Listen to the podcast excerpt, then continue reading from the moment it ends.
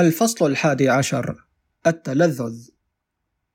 أود في هذا الفصل أن أتعرض لما يبدو لي من أكثر علامات الإنسان السعيد وضوحا وعمومية ألا وهو التلذذ. لعل أفضل طريقة لفهم ما هو المقصود بالتلذذ النظر إلى الطرق المختلفة لسلوك البشر عند تناولهم لوجبة طعام. فهناك من تعد الوجبة بالنسبة إليهم أمرا مضجرا. فمهما كان الطعام ممتازا يحسون أنه غير مشوق. فقد سبق أن تناولوا طعاما ممتازا من قبل. ربما في كل وجبة تناولوها ولم يجربوا معنى أن يظلوا بلا طعام إلى أن يصبح الجوع إحساسا ممضا. ولكنهم وصلوا إلى اعتبار وجبات الطعام أحداثا تقليدية تمليها عادات المجتمع الذي يعيشون فيه. وككل أمر آخر تعد الوجبات أمرا مملا. ولكن لا جدوى من إثارة ضجة حول ذلك حيث لا شيء آخر سيكون أقل إضجارا وهناك المقعدون الذين يأكلون من منطلق الإحساس بالواجب لأن الطبيب أخبرهم بضرورة الحصول على القليل من القوت كي يحتفظوا بقوتهم. وهناك الأبيقوريون الذين يبدأون الوجبة مستبشرين ولكنهم لا يجدون أن شيئا قد تم طهوه جيدا كما ينبغي. ثم هناك الشرهون الذين ينكبون على طعامهم بجشع شديد ويأكلون كثيرا جدا فيصبحوا بدناء مشخرين وأخيرا هناك الذين يبدأون طعامهم بشهية عظيمة ويكونون مسرورين بطعامهم ويأكلون إلى أن يحصلوا على كفايتهم فيتوقفون والذين يجلسون أمام وليمة الحياة لديهم سلوكيات مشابهة تجاه الأشياء الطيبة التي توفرها.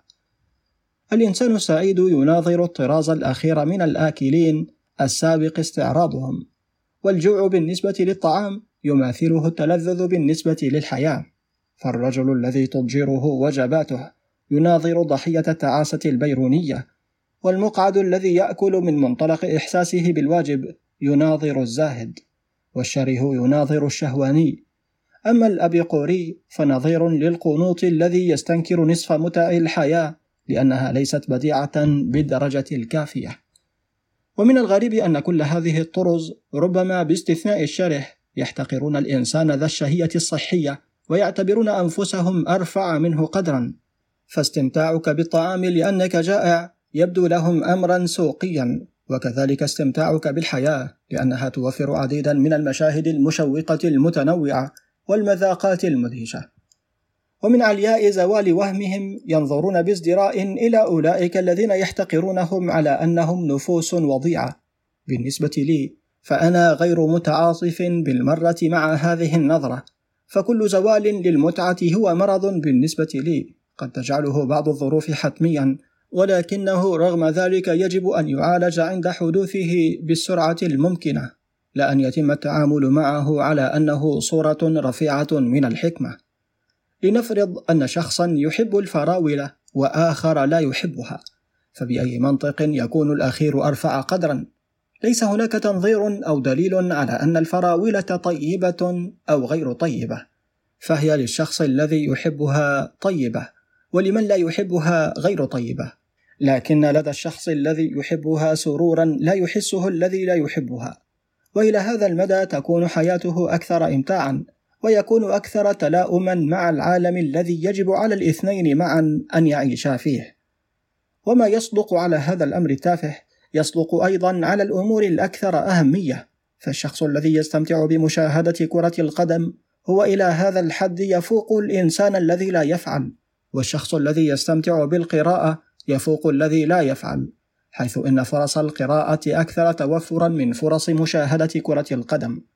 فكلما كثرت الأمور التي يهتم بها الشخص كلما كثرت فرص كونه سعيدا وقلت فرص كونه تحت رحمة الحياة لأنه إذا فقد امرا يمكنه الاهتمام بآخر فالحياة أقصر من أن يتوافر بها الاهتمام بكل شيء ولكنه من الخير أن نهتم بأمور كثيرة بالدرجة التي تمليها الضرورة لملء أوقاتنا. فنحن ميالون بطبيعتنا إلى مرض الانطوائي الذي ينقلب بعيدا عن المشاهد المتنوعة التي ينشرها العالم أمامه إلى التأمل في خواء داخله فحسب. ولكن علينا ألا نتصور أن هناك أي شيء عظيم في تعاسة الانطوائي، لقد كان هناك في زمن ما آلتان لصنع السجق. صنعتا بروعة لتحويل اللحم إلى ألذ سجق. إحدى الآلتين احتفظت بتلذذها باللحم وأنتجت الكثير جدا من السجق. ولكن الأخرى قالت ما اللحم بالنسبة لي؟ إن عملي أهم بكثير وأكثر روعة عن أي لحم. ورفضت اللحم وعكفت على دراسة محتواها الداخلي. وعندما فقدت طعامها الطبيعي توقف داخلها عن العمل وكلما زادت دراستها لداخلها كلما بدا لها أكثر خواء وغباء. ووصلت كل الأجهزة الرائعة التي تتم عن طريقها عملية التحول اللذيذة إلى مرحلة التوقف التام وأصبحت الآلة في حيرة من تحديد ما يمكنها عمله. هذه الآلة الثانية من آلات السجق تشبه الرجل الذي فقد قدرته على التلذذ بينما الآلة الأولى فتشبه الرجل الذي احتفظ بها. العقل آلة غريبة يمكنها جمع المواد المقدمة إليها بطرق مدهشة جدا ولكنه يقف عاجزا إذا لم تأته مواد من العالم الخارجي ويختلف عن آلة السجق في أنه يجب عليه الحصول على مواده الخاصة بنفسه حيث إن الأحداث تصبح خبرات فقط عبر الاهتمام الذي تبديه بها فإذا لم تثر فينا الاهتمام فإننا لا نحصل على شيء منها. فالشخص إذن الذي يوجه اهتماماته إلى داخله لا يجد شيئا جديرا بالملاحظة بينما من يوجه اهتماماته إلى الخارج يمكنه أن يجد في الداخل في تلك اللحظات النادرة التي يختبر فيها نفسه أكثر التشكيلات تنوعا من المكونات التي تم تقطيعها وتجميعها في شكل جميل وبناء. وأشكال التلذذ لا يمكن حصرها. فقد نتذكر أن شيرلوك هولمز التقط قبعة وجدها ملقاة في الطريق وبعد النظر إليها للحظة أشار إلى أن صاحبها قد تدهور به الحال في الدنيا نتيجة شربه الخمر وأن زوجته لم تعد مغرمة به كما اعتادت أن تكون. ولا يمكن أن تكون الحياة مملة لشخص توفر له الأشياء العارضة ثروة من الاهتمامات. فكر في الأشياء المختلفة التي يمكن ملاحظتها في جولة ريفية. فقد يهتم شخص بالطيور وآخر بالنباتات وثالث في جيولوجية المنطقة ورابع في الزراعة وهكذا. وأي من هذه الأشياء يكون مشوقا إذا ما أثار اهتمامك. وبفرض بقاء باقي الأشياء متساوية فالشخص الذي يكون مهتما بأي منها هو شخص أفضل تلاؤما مع العالم من الشخص الذي لا يهتم. ما أشد تباين سلوكيات الناس تجاه رفاقهم من البشر بشكل غير عادي. فقد يفشل شخص ما تماما عبر رحلة قطار طويلة في ملاحظة رفاقه من المسافرين بينما يكون شخص آخر قد جمع وحلل طباعهم وقام بعمل تخميني ثاقب عن ظروفهم وربما حتى يكتشف معظم التاريخ الخفي لعدد منهم. فالناس يختلفون بنفس الدرجة فيما يحسون به تجاه الآخرين وفيما يستخلصونه عنهم فبعض الناس يجدون كل شخص تقريبا مملا بينما البعض الآخر ينشئ بسرعة وسهولة مشاعر صداقة في اتجاه أولئك الذين تجمعهم بهم أية صلة ما لم يكن هناك سبب محدد للإحساس بالعكس. ولنأخذ موضوع السفر مرة أخرى في الاعتبار، فبعض الأشخاص يسافرون عبر عديد من الدول، فيذهبون دائما إلى أحسن الفنادق، ويأكلون نفس الطعام الذي يتناولونه في الوطن، ويقابلون نفس الأغنياء العاطلين الذين قد يقابلونهم في الوطن ويتناقشون في نفس الموضوعات التي يتحاورون فيها على مائدة الغداء الخاصة بهم. وعندما يعودون يكون إحساسهم الوحيد هو الارتياح من انتهاء ملل التنقل المكلف.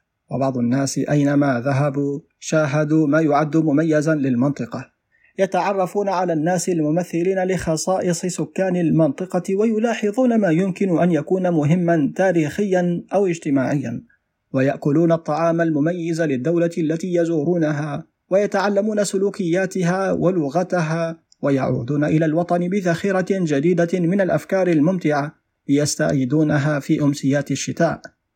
في كل هذه المواقف المختلفة يكون للشخص الذي لديه متعة التلذذ ميزة على الشخص الذي لا يملكها، فحتى التجارب غير السارة قد تكون نافعة له. فأنا سعيد لأني شممت جمهرة من الصينيين وشممت قرية بصقلية رغم أنني لا أستطيع ادعاء أن سعادتي كانت كبيرة جدا في تلك اللحظات. والأشخاص المغامرون يستمتعون بحطام السفن حركات العصيان الزلازل الحرائق وكل طرز التجارب غير السارة طالما لم تصل إلى حد إتلاف الصحة. فهم يقولون لأنفسهم في أحد الزلازل مثلا هكذا إذا يكون الزلزال ويسرهم أن يتسع إدراكهم للعالم بهذا العنصر. وقد لا يكون صحيحا القول بأن مثل هؤلاء الناس ليسوا تحت رحمة القدر حيث إنهم إذا فقدوا صحتهم فمن المرجح جدا أن يفقدوا قدرتهم على التلذذ في نفس الوقت رغم أن ذلك ليس مؤكدا بأية حال. فقد عرفت أشخاصا ماتوا بعد سنوات من العذاب البطيء ولكنهم احتفظوا بقدرتهم على التلذذ حتى آخر لحظة تقريبا. فبعض طرز اعتلال الصحة قد تدمر القدرة على التلذذ وبعضها لا يفعل. وأنا لا أعرف ما إذا كان علماء الكيمياء الحيوية قد أصبحوا الآن قادرين على التفرقة بين هذه الطرز. ربما عندما يتقدم علم الكيمياء الحيوية أكثر سنتمكن من أخذ أقراص توفر لمشاعرنا الاهتمام بكل شيء. ولكن حتى يجيء ذلك اليوم فنحن مضطرين إلى الاعتماد على ملاحظات الحس المشترك للحياة كي نحكم على المسببات التي تمكن بعض الأشخاص من الاهتمام بكل شيء. بينما تضطر الآخرين إلى عدم الاهتمام بأي شيء. وأحيانا ما يكون التلذذ عاما، وأحيانا أخرى متخصصا، وقد يكون شديد التخصص حقا، فالذين قرأوا بورو قد يتذكرون شخصية ظهرت في رواية رومان راي، فقد فقد زوجته التي كان شديد الإخلاص لها، وأحس لفترة أن الحياة أصبحت جرداء تماما. ولكنه أصبح مهتما بالنقوش الصينية على أباريق وصناديق الشاي ومستعينا بالنحو الفرنسي الصيني بعد أن تعلم الفرنسية لهذا الغرض. تمكن تدريجيا من فك طلاسمها واكتسب بذلك شغفا جديدا بالحياة رغم أنه لم يستعمل معرفته بالصينية مطلقا في أي أغراض أخرى. ولقد عرفت أشخاصا استغرقتهم بالكامل محاولتهم التعرف على الهرطقة اللا إدارية وآخرين كان شغلهم الرئيسي يكمن في مراجعة الأصول والطبعات الأولى لهوبز. من المستحيل تماما التخمين مقدما بما سيثير اهتمام إنسان. ولكن معظم الناس بمقدورهم الاهتمام بشدة بشيء أو بآخر. وما أن يستثار اهتمامهم حتى تصبح حياتهم خالية من الضجر. الاهتمامات شديدة التخصص تعد مصدرا أقل إشباعا للسعادة على التلذذ العام بالحياة، حيث أنها تملأ بالكاد الوقت الكامل لفرد ما، ودائما يوجد خطر أن يأتي الوقت الذي يعرف فيه الشخص كل ما يمكن معرفته عن الأمر الخاص الذي أصبح هوايته. ويجب تذكر أنه من بين الطرز المختلفة بالوليمة كان الشخص الشره والذي لم نكن على استعداد لمدحه وقد يعتقد القارئ أن الشخص الذي لديه القدرة على التلذذ والذي كنا نمتدحه لا يختلف بأية طريقة محددة عن الإنسان الشره. وقد حان وقت جعل التفرقة بين الطرازين أكثر تحديدا.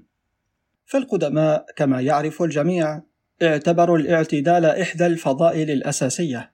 وتحت تأثير الرومانتيكية والثورة الفرنسية هجر الكثيرون هذه النظرة وانصب الإعجاب على التقدير المبالغ فيه للعواطف حتى ولو كانت من الطراز المدمر والمضاد للمجتمع كما في حالة أبطال لورد بيرون. من الواضح أن القدماء كانوا رغم ذلك في الطريق الصحيح ففي الحياة الطيبة يجب أن يكون هناك توازن بين مختلف الأنشطة. فلا يجب القيام باحدها إلى الدرجة التي تجعل الأنشطة الأخرى مستحيلة. فالشره يضحي بكل المتع الأخرى من أجل متعة الأكل وبفعله هذا يقلل من السعادة الكلية في حياته. وكثير من الشهوات الأخرى بجانب الأكل قد تمارس بتطرف مماثل. فالإمبراطورة جوزيفين كانت شرهة فيما يتعلق بالملابس. كان نابليون في البداية يدفع فواتير الحائك رغم تزايد معارضته الدائمة. وأخيرا أخبرها أنها يجب أن تتعلم الاعتدال وأنه في المستقبل سيدفع الفواتير إذا كانت مبالغها تبدو معقولة. وعندما جاءت فاتورة الحائك التالية استبدت بها الحيرة الشديدة للحظات ولكنها في الحال أعدت لنفسها مخططا.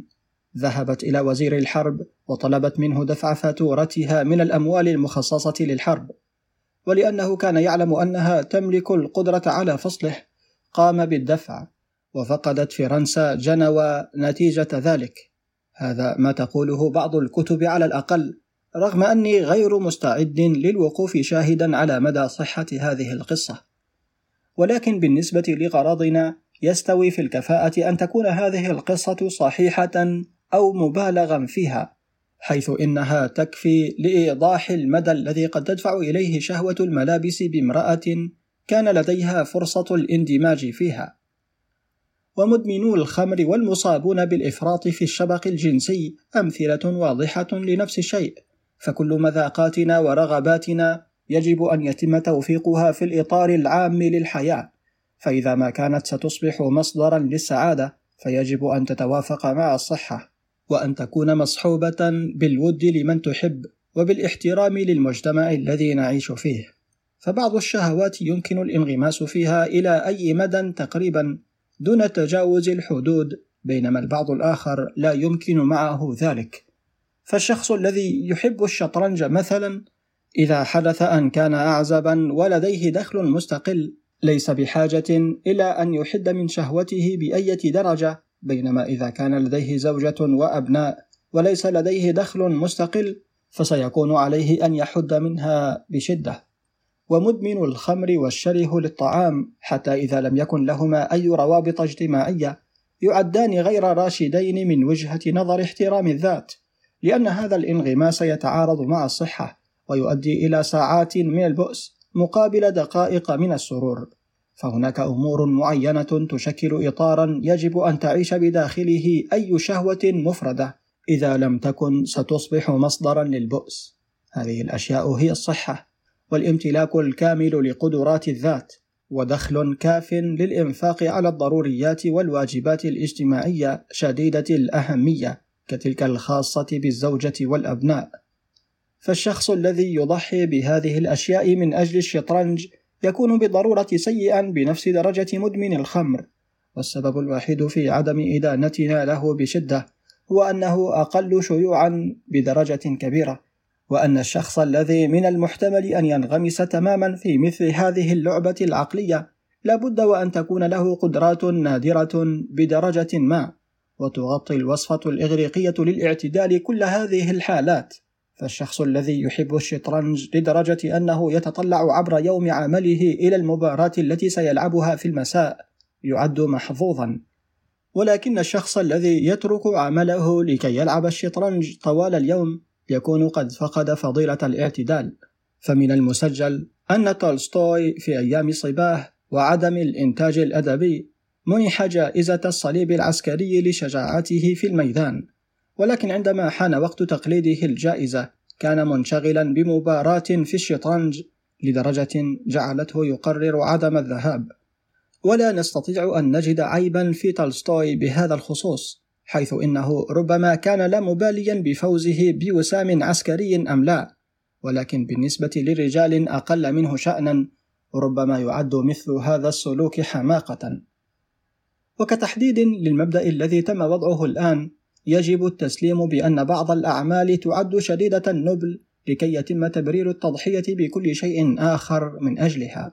فالإنسان الذي يفقد حياته في الدفاع عن وطنه لا يلام إذا ترك زوجته وأبناءه مفلسين والشخص الذي ينشغل في تجارب يأمل منها الوصول إلى اكتشاف علمي عظيم أو إلى اختراع لا يلام على الفقد الذي أرغم أسرته على تحمله شريطة أن تتوج في النهاية بالنجاح أما إذا لم ينجح مطلقا في الوصول إلى الاكتشاف أو الاختراع اللذين حاول القيام بهما فالرأي العام سيدينه على أساس أنه مهووس والذي يبدو ظلما لأنه لا يمكن لأحد أن يتأكد من نجاحه مسبقا في مثل هذه الأعمال. خلال الألف عام الأولى من العصر المسيحي، كان الشخص الذي يهجر عائلته من أجل الحياة المقدسة يمتدح، رغم أنه في أيامنا الحالية سيؤخذ عليه واجبه في أن يؤمن لأفراد عائلته حياتهم. أعتقد أن هناك فرقا نفسيا عميقا دائما بين الإنسان الشره والإنسان ذي الشهية الصحية فالشخص الذي تتطرف فيه إحدى الرغبات على حساب كل الرغبات الأخرى عادة ما يكون شخصا ذا مشكلة عميقة يبحث عن مهرب من شبح. ففي حالة مدمن الخمر يكون ذلك واضحا فالناس تشرب لتنسى. فإذا لم يكن لديهم أشباح في حياتهم لما وجدوا السكر أكثر إرضاء من الصحو. وكما قال الرجل الصيني الأسطوري أنا لا أشرب الخمر للخمر أنا أشرب الخمر لأسكر. ويميز ذلك كل الشراهات المتطرفة أحادية الاتجاه. فليست السعادة في الشيء الذي يتم اللجوء إليه دائما في النسيان. وهناك رغم ذلك فرق كبير جدا بين اللجوء إلى النسيان بطريقة المخمور أو بإعمال القدرات التي تعد مرغوبة في ذاتها. فصديق بورو الذي علم نفسه اللغة الصينية لكي يصبح قادرا على تحمل فقد زوجته كان ينشد النسيان ولكنه لجأ إليه بممارسة نشاط ليس له آثار ضارة.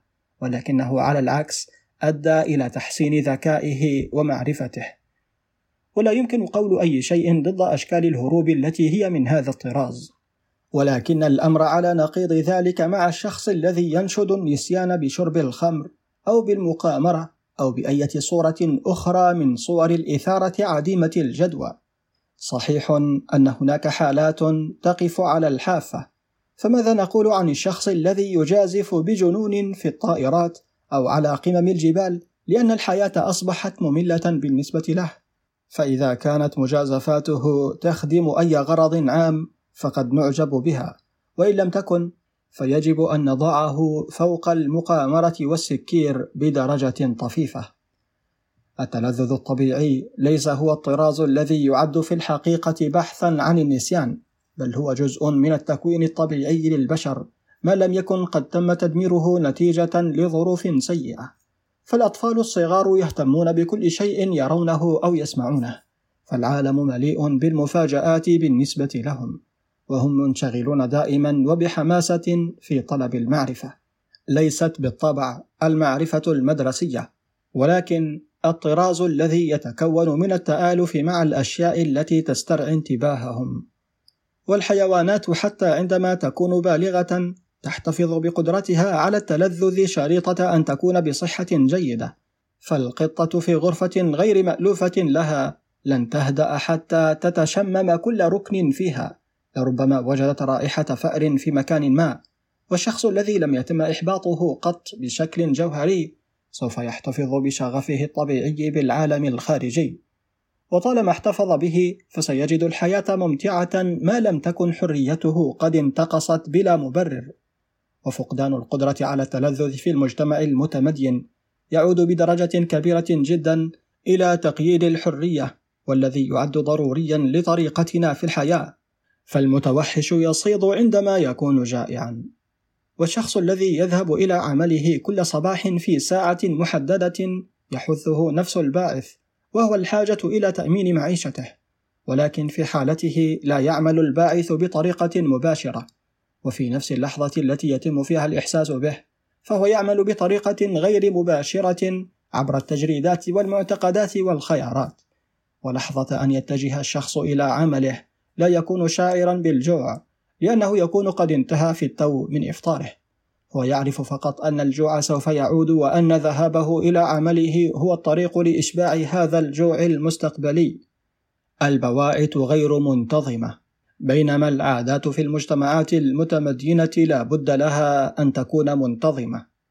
وبين المتوحشين تكون الأعمال الجماعية في حدود وجودها تلقائية ومندفعة.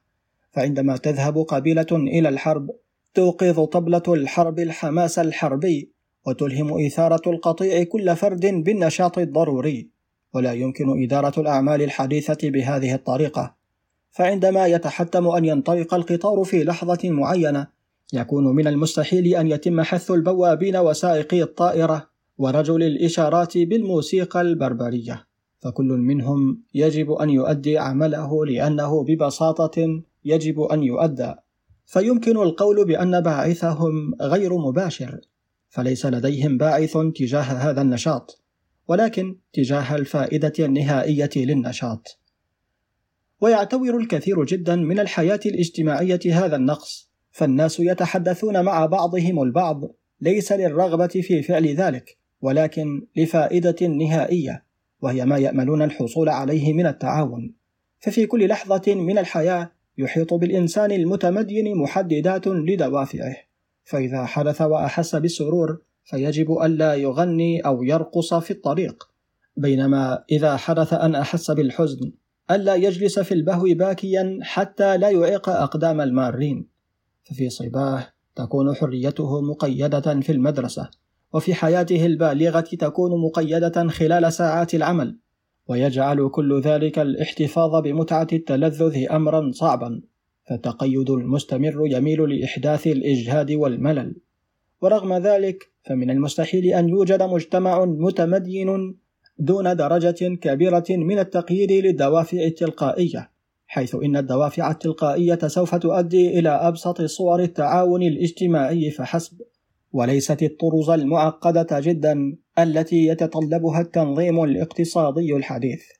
ولكي يمكن الارتفاع فوق هذه العقبات التي تواجه القدرة على التلذذ. يحتاج المرء إلى الصحة والطاقة فائقة التوافر أو بدلا من ذلك إذا كان جيد الحظ إلى عمل يجده مثيرا في ذاته. فالصحة كما توضح الإحصاءات استمرت في التحسن في كل الدول المتمدينة خلال المائة سنة الماضية. ولكن الطاقة أصعب في قياسها. وأنا لا أشك في أن القوة البدنية في أوقات الصحة هي على نفس الدرجة العظيمة التي كانت عليها مثلا. والمشكلة هنا هي إلى حد كبير اجتماعية وأنا لا أود مناقشتها في هذا الكتاب الحالي. ولكن للمشكلة رغم ذلك جوانب نفسية ناقشناها بالفعل عندما تعرضنا لمناقشة الإعياء.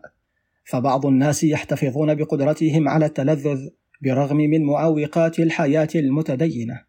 وكثير من الأشخاص يفعلون ذلك إذا لم تكن بهم تناقضات نفسية داخلية يضيع عليها جزء كبير من الطاقة.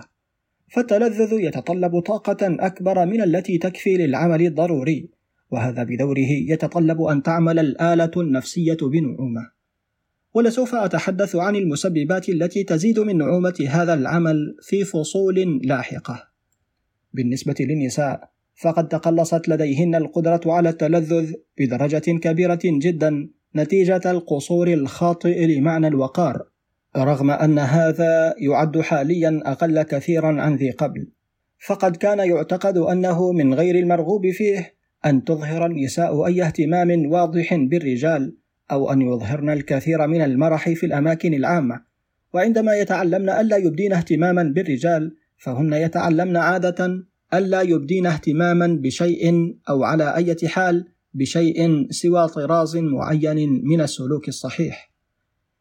وتعليم السلوك الخاص بعدم النشاط والانسحاب من مواجهة الحياة من الواضح أنه تعليم أمر شديد التعارض مع التلذذ وتشجيع لطراز معين من الانغماس في الذات الذي يميز النساء شديدات الوقار خاصة إذا كن غير متعلمات.